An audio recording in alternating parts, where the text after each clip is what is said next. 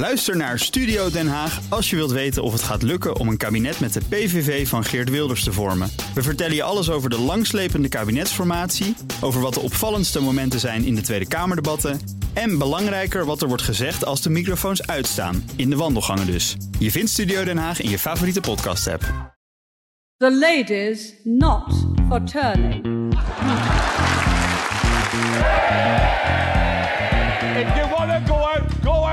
But if you stand again, I'll lord you out. Make your mind up. Are you excited about another election? You're joking. Not another one? Oh, for God's sake, I can't honestly. Je luistert naar Van Beckhovens Britten, een podcast over het belangrijkste nieuws uit het Verenigd Koninkrijk. Met in Londen Lia van Beckhoven. Ik ben Connor Klerks bij BNR Nieuwsradio in Amsterdam. Dag Lia. Hey Connor. We gaan het deze week uh, hebben over wonen. Want er zijn twee grote verhalen deze week. De hypotheekcrisis, daar komen we straks op. Maar we beginnen bij dakloosheid. En een plan om daar een einde aan te maken uit een ja, iets onverwachte hoek. Namelijk niet van de regering, maar van kroonprins William. Hij lanceert deze week een vijfjarenplan tegen dakloosheid. I first visited a homeless shelter when I was 11 with my mother. The visits we made together left a deep and lasting impression. Over the next five years, we have a unique opportunity to develop innovative new solutions and scale their tangible impact. This will inspire belief throughout the UK and beyond that homelessness can be ended for good. Lia, wat stelt Prins William eigenlijk precies voor? Nou, je zei het al, het is een vijfjarenplan. Het is een campagne om uh, zes steden die hij heeft uitgezocht, ieder um, uh, een half miljoen te geven. Uh, en, om in die, en, en, en, dat geld moet gebruikt worden door, een organisa door allerlei organisaties, lokale organisaties die te maken hebben met dakloosheid, uh, aannemers, lokale bouwers, noem maar op. En die moeten dan uh, gezamenlijk vijf jaar lang bedenken hoe ze in feite Finland kunnen kopiëren. Ah. in Finland, je, je, weet het misschien wel, Conor, maar in Finland hebben ze jaren geleden al geprobeerd om dakloosheid uit te roeien. En dat is vrij goed gelukt. Ja. Um, uh, um, geloof het of niet, maar de oplossing blijkt mensen een dak boven hun hoofd te geven ja, en extra te simpel, begeleiden. Hè? Precies. En daarna natuurlijk ook extra te begeleiden ja. uh, als het gaat om uh, mentale gezondheidsproblematiek, bla bla bla bla bla. Ja. Nou, dat wil William dus ook. Um, en dat, uh, daar zijn zes steden mee gemoeid. Maar dat niet alleen. Wat hij ook wil is uh, sociale woningen bouwen op zijn Duchy of Cornwall, het hertogdom van Cornwall. Ja. En dat is trouwens niet één stuk um, uh, uh, grondgebied, maar dat zijn hele regio's die zich uitstrekken van um, het, heel, het, het, zuidwesten, Cornwall natuurlijk, maar ook tot Essex in het, in het zuidoosten van Engeland. En dan, dat is allemaal van hem. Ja. Dat zijn aparte regio's in de, dat grote gebied met dorpen stadjes, boerderijen, bossen, rivieren, noem maar op. Alles bij elkaar 52.449 hectare. Uh, daaruit trekt hij jaarlijks 23 miljoen. En daar is hij de baas van. Dus als er iemand, als er iemand kan uh, uh, suggereren om ergens hè, in dat enorm, op dat enorme gebied huizen te gaan bouwen, dan zou ik zeggen: ja, William, uh, ga je gang. Ja. Je bent eigen baas daar. Dus. Uh, doen. Dus, daar, dus dat is ook een ding. Ik weet niet hoe ambitieus dat laatste is, moet ik je zeggen. Hij was nogal voorzichtig, vond ik, toen hij het er, uh, erover had. Hij weet natuurlijk hoe dit allemaal ontvangen wordt, hè, de kritiek erop um, uh, enzovoort. Maar het is een plan. Het is zeker een plan. Ja, uh, met, met, met een, een beetje bouwen, bijvoorbeeld op, op zijn eigen landgoed. Hij zit met die, met die Dutch Corn, Cornwall, je geloof ja. de, de, derde grootste grondbezitter van het hele VK of zoiets. Maar uh, ja. uh, daar, daar is hij misschien ook wel een klein beetje dan het verwijt van hypocrisie te snel af. Tuurlijk, tuurlijk. Het is ook, um, zijn plan is ook ontvangen met een hoop cynisme, zoals je zegt. Hij ja. is een superrijke grootgrondbezitter. Hè? Hij heeft tenminste drie uh, giga uh, landgoederen, optrekken. Uh, op den duur staat hem te wachten het hele, hele Britse Rijk. Inclusief de bijbehorende kustlijn. Ja. Uh, tenminste één vermeer. Uh, alle zwanen van het, van het land. Dus je hoort mensen zeggen: als jij zo nodig iets wil doen aan dakloosheid, beste William, gooi Buckingham Palace open. Ja. He, kamers genoeg. Stop daar dakloos in. En anderen zeggen weer: hij is veel te politiek bezig en zo. En ik moet je zeggen. 2 miljoen gedeeld door zes steden en stadjes, afgezien wat hij dus gaat doen in zijn eigen hertogdom van, uh, van Cornwall, is natuurlijk net niks. Nee, is niet veel. Um, nee, maar hij, maar goed, uh, en hij doet het natuurlijk ook. Kijk, ik, ik begrijp ieder cynisme. Um, uh, het is, je kunt het zien als een filantropisch initiatief.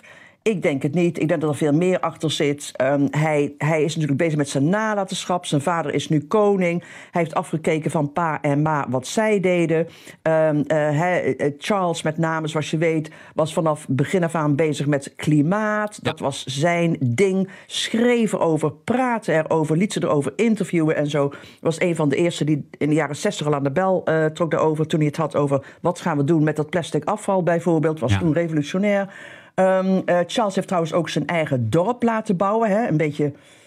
Ja, ja zo'n zo heel raar modeldorpje is dat, hè? Een soort, soort uh, ja, uh, Middle precies, een beetje Lego. Maar, ja. ja. Ja, ja, ja. Um, een beetje braaf, weinig reuring, maar oké. Okay. Um, uh, helemaal naar wat Charles mooi vindt. Maar ik geloof iets van 15% is betaalbare woningen. Nou, kom daar maar eens om ergens in Engeland. Ja. Dus dat nalatenschap um, speelt ook een rol, dunkt mij. Uh, plus uh, het feit dat je dat toch nodig hebt om relevant te blijven voor een jongere generatie als royal. Hè? Ja.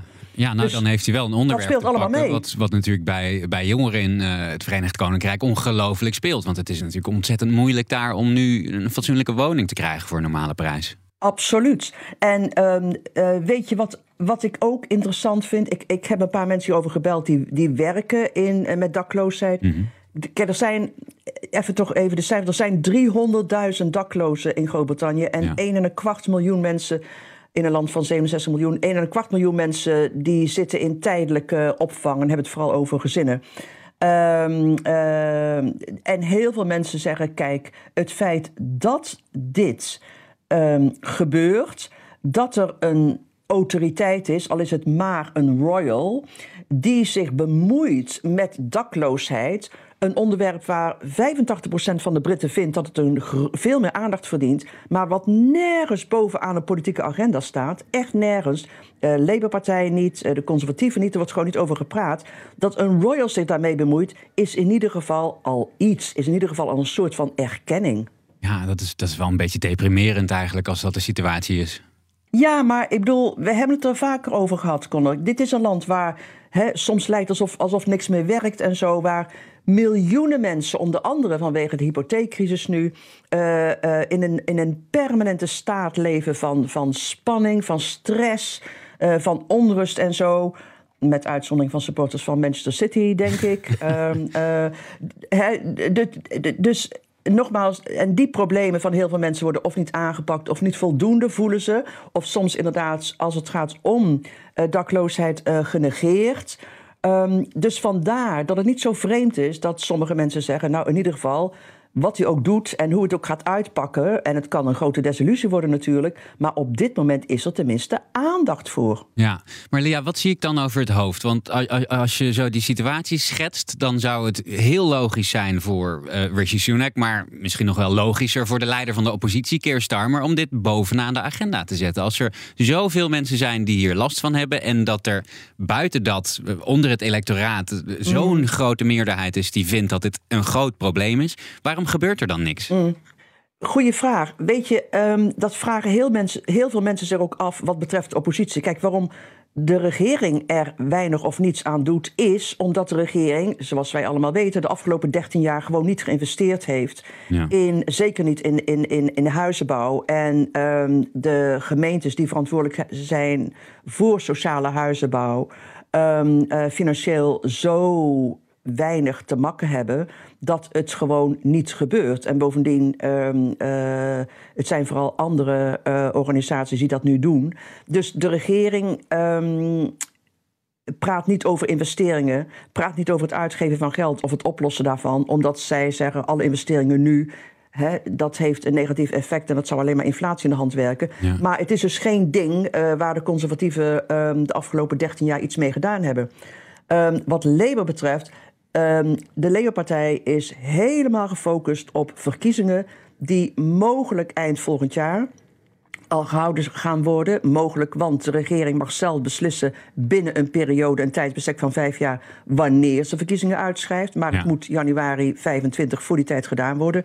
En Labour, eh, wat Labour ehm, wil is helemaal geen kans geven voor de regeringspartij om gaten te schieten in wat voor ballon ze ook oplaat. Dus er zijn maar een paar, ehm, eh, een paar gebieden eigenlijk waar de oppositiepartij zich over uitspreekt. Eh, dat is bijvoorbeeld inderdaad over ehm, de algemene economische situatie van het land.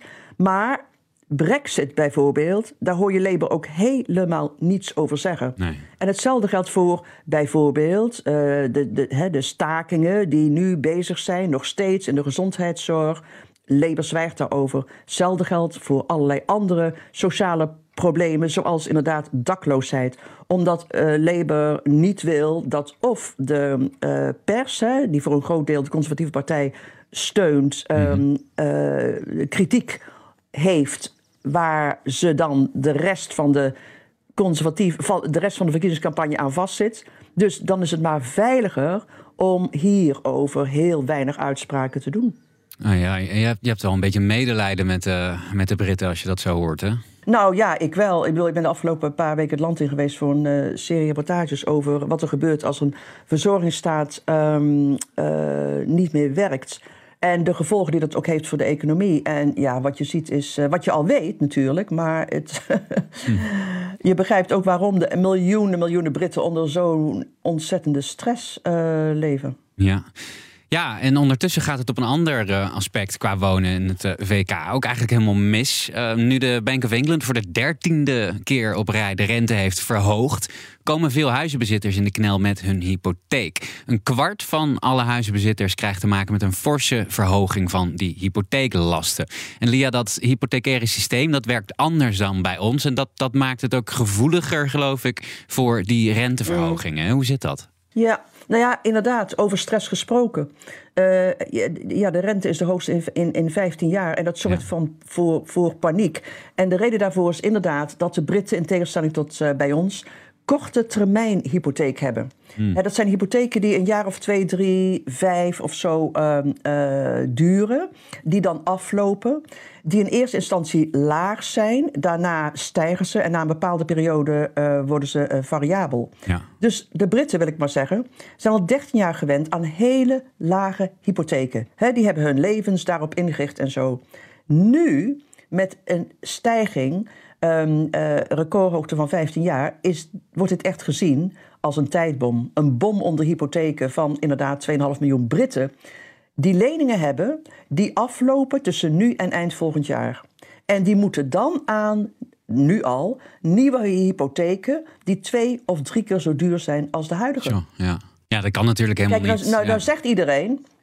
Je weet, ik, ik, eh, toen ik eh, hè, in dit land eh, kwam wonen, eind 16e eeuw ongeveer. ehm, eh, toen herinner ik me nog dat ik met The Man ehm, eh, een hypotheek nam. Dat zal eind jaren 80 geweest zijn op mijn eerste huis. Mhm. En toen was die hypotheek, die lag volgens mij 14, 15 procent. Zoiets, weet je wel? Ja. Dus dan denk je, nou ja, waar klaagt iedereen over? Eh, een, een hypotheek van 5,5, binnenkort waarschijnlijk 6 procent. Eh, Ja. Dat is net niks. Maar ehm, de verhouding tussen hypotheek en eh, huisprijzen, die zijn echt zoek. Ik bedoel, ehm, de huizen in de jaren 80 waren gemiddeld twee keer de prijs van je salaris. Ja. Nu is dat gemiddeld 4,5 procent. Dus de hypotheek slokt een, hypotheekuitgaven slokken een veel, veel groter deel op van je inkomen. Bovendien is er ook geen belastingaftrek meer, weet je wel? Ja. Dus, lang verhaal kort, eh, de schatting hier is dat nu bij Britten 56 procent van hun inkomen ehm, opgaat aan eh hypotheekrente. Ja, en dat is dan een gemiddelde. Hè? Dus dan zijn er ook een heleboel mensen die eh, echt in de problemen komen, die echt 56%, veel meer nog moeten gaan betalen. Absoluut. Dus dat is gewoon niet te doen. Dat is gewoon niet te doen. Ja, je noemt het een tijdbom. Ik denk dat dat helemaal terecht is. Is, dat nog, eh, is hier nog iets aan te doen? Of eh, eh, moeten we maar gewoon wachten tot die bom barst? En eh, ja, dan hebben wij in elk geval weer wat te doen. Maar eh, eh, voor die mensen is het Nou ja, natuurlijk echt een ramp. Ja, nou ja, wat, iedereen, wat iedereen zegt is inderdaad... eh, wa- waartoe het zal leiden is een eh, nodige correctie op de Britse huizenprijzen. Want de markt is al lang eh, eh, eigenlijk volgens mij altijd al oververhit geweest. Dus het is helemaal niet gek als die prijzen wat gaan dalen. Maar, eh, ik ben geen econoom, maar ik, ik, ik geloof niet dat eh, de huizenmarkt zal instorten... ehm, omdat er bijvoorbeeld geen werkloosheid is. Dus, dus dat, dat, dat, dat werkt allemaal. Dat, eh, d- die, ehm, het, dat, dat onderdeel dat vaak zo- eh, zorgt voor eh, een economische crisis is afwezig voorlopig. Maar er is inderdaad een enorme druk op de regering om de huizenbezitters te beschermen. Maar, zegt ehm, eh, premier Sunak, daar is geen beginnen aan. Hè, dat zou alleen maar voor nog meer scheefgroei eh, eh, zorgen. Want als je denkt dat huizeneigenaren en huizenbezitters het slecht hebben...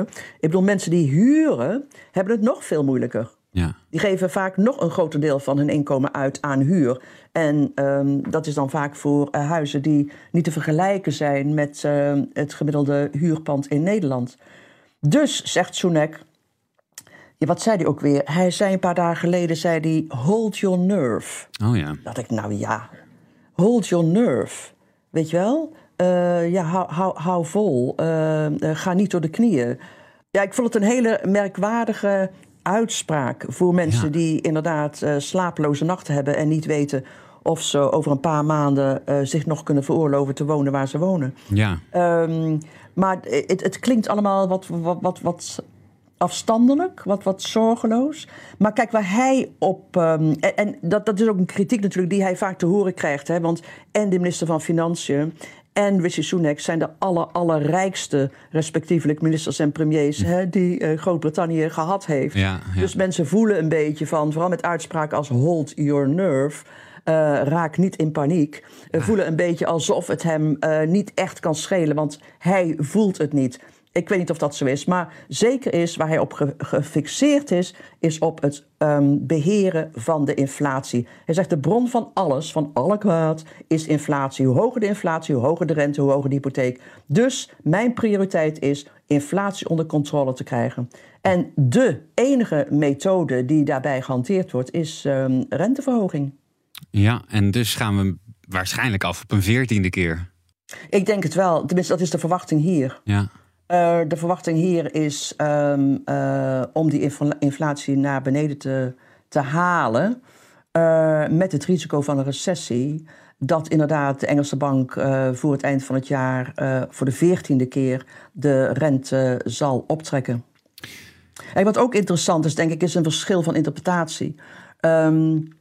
Sunak zegt dus voortdurend: ik kan ook daarom niets doen aan die stakende publieke sector. Want eh, salarisverhoging werkt inflatie in de hand. Oh ja, de en dan komt de. OESO met een rapport. Precies, en de, da- daar heeft hij het, die prijs. Dan komt de OESO met een rapport en die zegt... inflatie in het Verenigd Koninkrijk heeft veel meer te doen... met de gigawinsten van Britse bedrijven... dan met de hele minimale loonsverhogingen... die eh, werkers nu krijgen in de publieke sector. Ja. Dus probeer die graaiflatie maar eens aan te pakken. Hè? Woekerwinsten. En net vandaag zijn het de broadbandbedrijven, de mobiele telefoonbedrijven in Groot-Brittannië, die nu ehm, eh, ondervraagd worden, volgens sommigen veel te beleefd, door Britse ministers van Financiën en Economische Zaken, over de reden voor de hoogste prijsstijgingen in 30 jaar. Maar meer dan proberen die ehm, CEO's over te halen om het wat minder te doen met die prijsstijgingen, ehm, doet de overheid niet. Dit is weer de zoveelste crisis. Eigenlijk, dit zijn echt hele grote problemen voor een heleboel mensen. Mm. En toch lijkt het niet alsof eh, de regering van Sunak hier nou per se heel erg door in de problemen komt. Hoe komt dat? Nou, wel hoor. Kijk maar, ik weet niet wat je bedoelt met problemen, maar als je kijkt naar ehm, de peilingen bijvoorbeeld, ik bedoel, dan lijkt het alsof de conservatieven ja, inderdaad hiervoor gestraft gaan worden. Hè, de Ja. conservatieven hadden altijd de, de reputatie eh, op economisch gebied de meest, verreweg de meest competente partij te zijn. ehm, in het Verenigd Koninkrijk. Ja, en de Partij Eh, maar voor Brexit even buiten beschouwen te laten. Ja, Partij van Huizenbezitters, precies. Eh, hè, onder Thatcher werden er een miljoen gecreëerd. Mhm. Ehm, maar afgezien daarvan, nogmaals, sinds de crisis van 2008, hè, waar toch echt de minst bedeelden voor betaald hebben, Ja. eh, is de conservatieve regeringspartij die reputatie aan het verliezen. En ze worden echt afgestraft daarvoor in de peilingen. Ik bedoel, de laatste peiling van een paar dagen geleden eh, laat eh, Labour zien met een voorsprong van 27 procent. En niet omdat Labour zulke geweldige plannen heeft. En niet omdat de Labour-leider zo populair is. Maar alleen omdat ehm, de conservatieven gezien worden als onbekwaam. Hmm. Ja, een uitzending als deze. Ik denk dat eigenlijk Jan Boekenstein hem eh, een podcast voor het hele gezin zou noemen. Met een vleugje ironie. Misschien moet het toch nog een beetje positief afsluiten. Want er was ook iets leuks in het VK dit weekend. Eh, misschien wel het mooiste muziekfestival ter wereld, Glastonbury. Lia, heb je gekeken? Tuurlijk.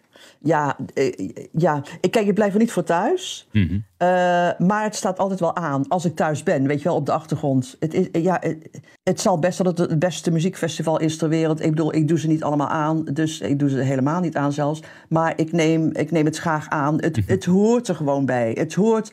Weet je wel, vroeger had je eh The Season. Weet je wat het is? Nee, nee, vertel. The Season was ehm, wat de Aristo's vroeger het Engelse seizoen noemden. Dan, dan kwamen ze naar Londen voor een hele serie vertier en vermaak. Oh ja. En dat begon dan, weet je, met, met ehm, eh, bij, nou ja, dat begon, waar begon het eigenlijk mee? Ascot, de paardenrennen. Eh, daarna was er Wimbledon. Er waren de roeiwedstrijden bij Wembley. Er was, eh, waren klassieke muziekconcerten. Ehm, nou ja, dat is allemaal, dat, dat, dat is nu, eh, laten we zeggen, wat populairder geworden. En niet meer alleen beperkt ehm, eh, gebleven tot, eh, tot, hè, tot die, de aristocratische klasse.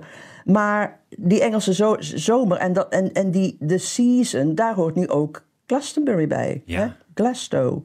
Ja, En dan is het natuurlijk niet, ja, dat- zo is het gemoderniseerd. En dan is het niet, niet alleen de muziek, ook goed hoor, Elton John, Lizzo, hè, Capaldi, oh, Mm, vond ik zo oh, dat ontroerend.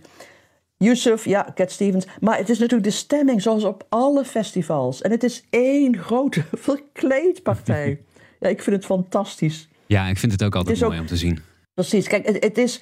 ehm, nogmaals, dat, dat, dat stressgevoel. eh, wat je hier toch vaak. Wat hier toch vaak als, als een wolk hè, boven eh, een groot deel van het land hangt. Ja. Dat is dan helemaal doorbroken door zo'n festival. hè. Het is die gezamenlijke vrolijkheid. Het is, het is, het is licht. Het is onbezorgd. Een hoop lol. Ja, fantastisch. Ja, en zo massaal. Hè? Ik, heb daar altijd, ik sta daar altijd van te kijken. Ja, in een eh, vorig leven was ik popjournalist. Dus ik heb aardig wat muziekfestivals van eh, heel dichtbij Ah, bekeken en ook wel verslagen. Maar ja, Glastonbury is wel van een andere orde. En ook niet alleen zeg maar qua die grote, eh, eh, maar ook gewoon wie er speelt. En ja, je hebt toch Ja. altijd wel een afsluiter waarvan je zegt dat zou bijna, dat zou eigenlijk nergens, eh, nergens anders kunnen. En deze keer, ik, eh, ik haal hem er heel snel weer uit, want ik ben doodsbang voor de Buma. Maar toch even een klein stukje luisteren naar die van dit jaar. She packed my bags last night, pre-flight. Zero hour, 90.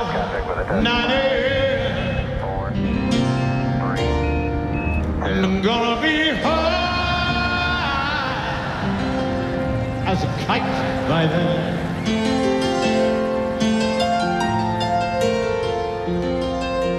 Ja, ik kan het nog, Ellie. hè? Ja, FOMO, hè? Als je Ja, dat hoort. of ja. missing out. Dat, dat, heb ik, dat heb ik echt hoor. Ja, ik vond hem fantastisch natuurlijk, Elton Ja. John.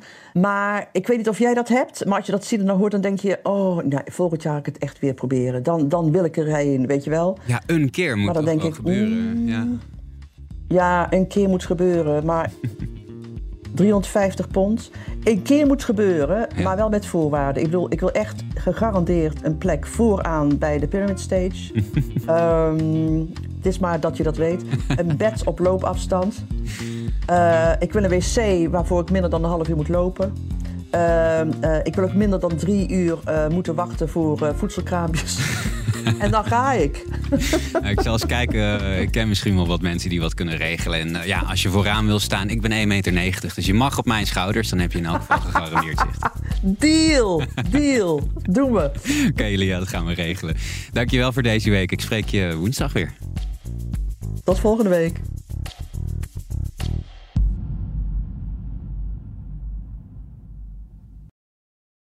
Ook Hugo Reitsma vind je in de BNR-app. Superhandig die BNR-app. Je kunt alle programma's live luisteren, breaking nieuwsmeldingen. Je blijft op de hoogte van het laatste zakelijke nieuws. En je vindt er alle BNR-podcasts, waaronder natuurlijk de belangrijkste, Boeken zijn in de wijk. Download nu de gratis BNR-app en blijf scherp.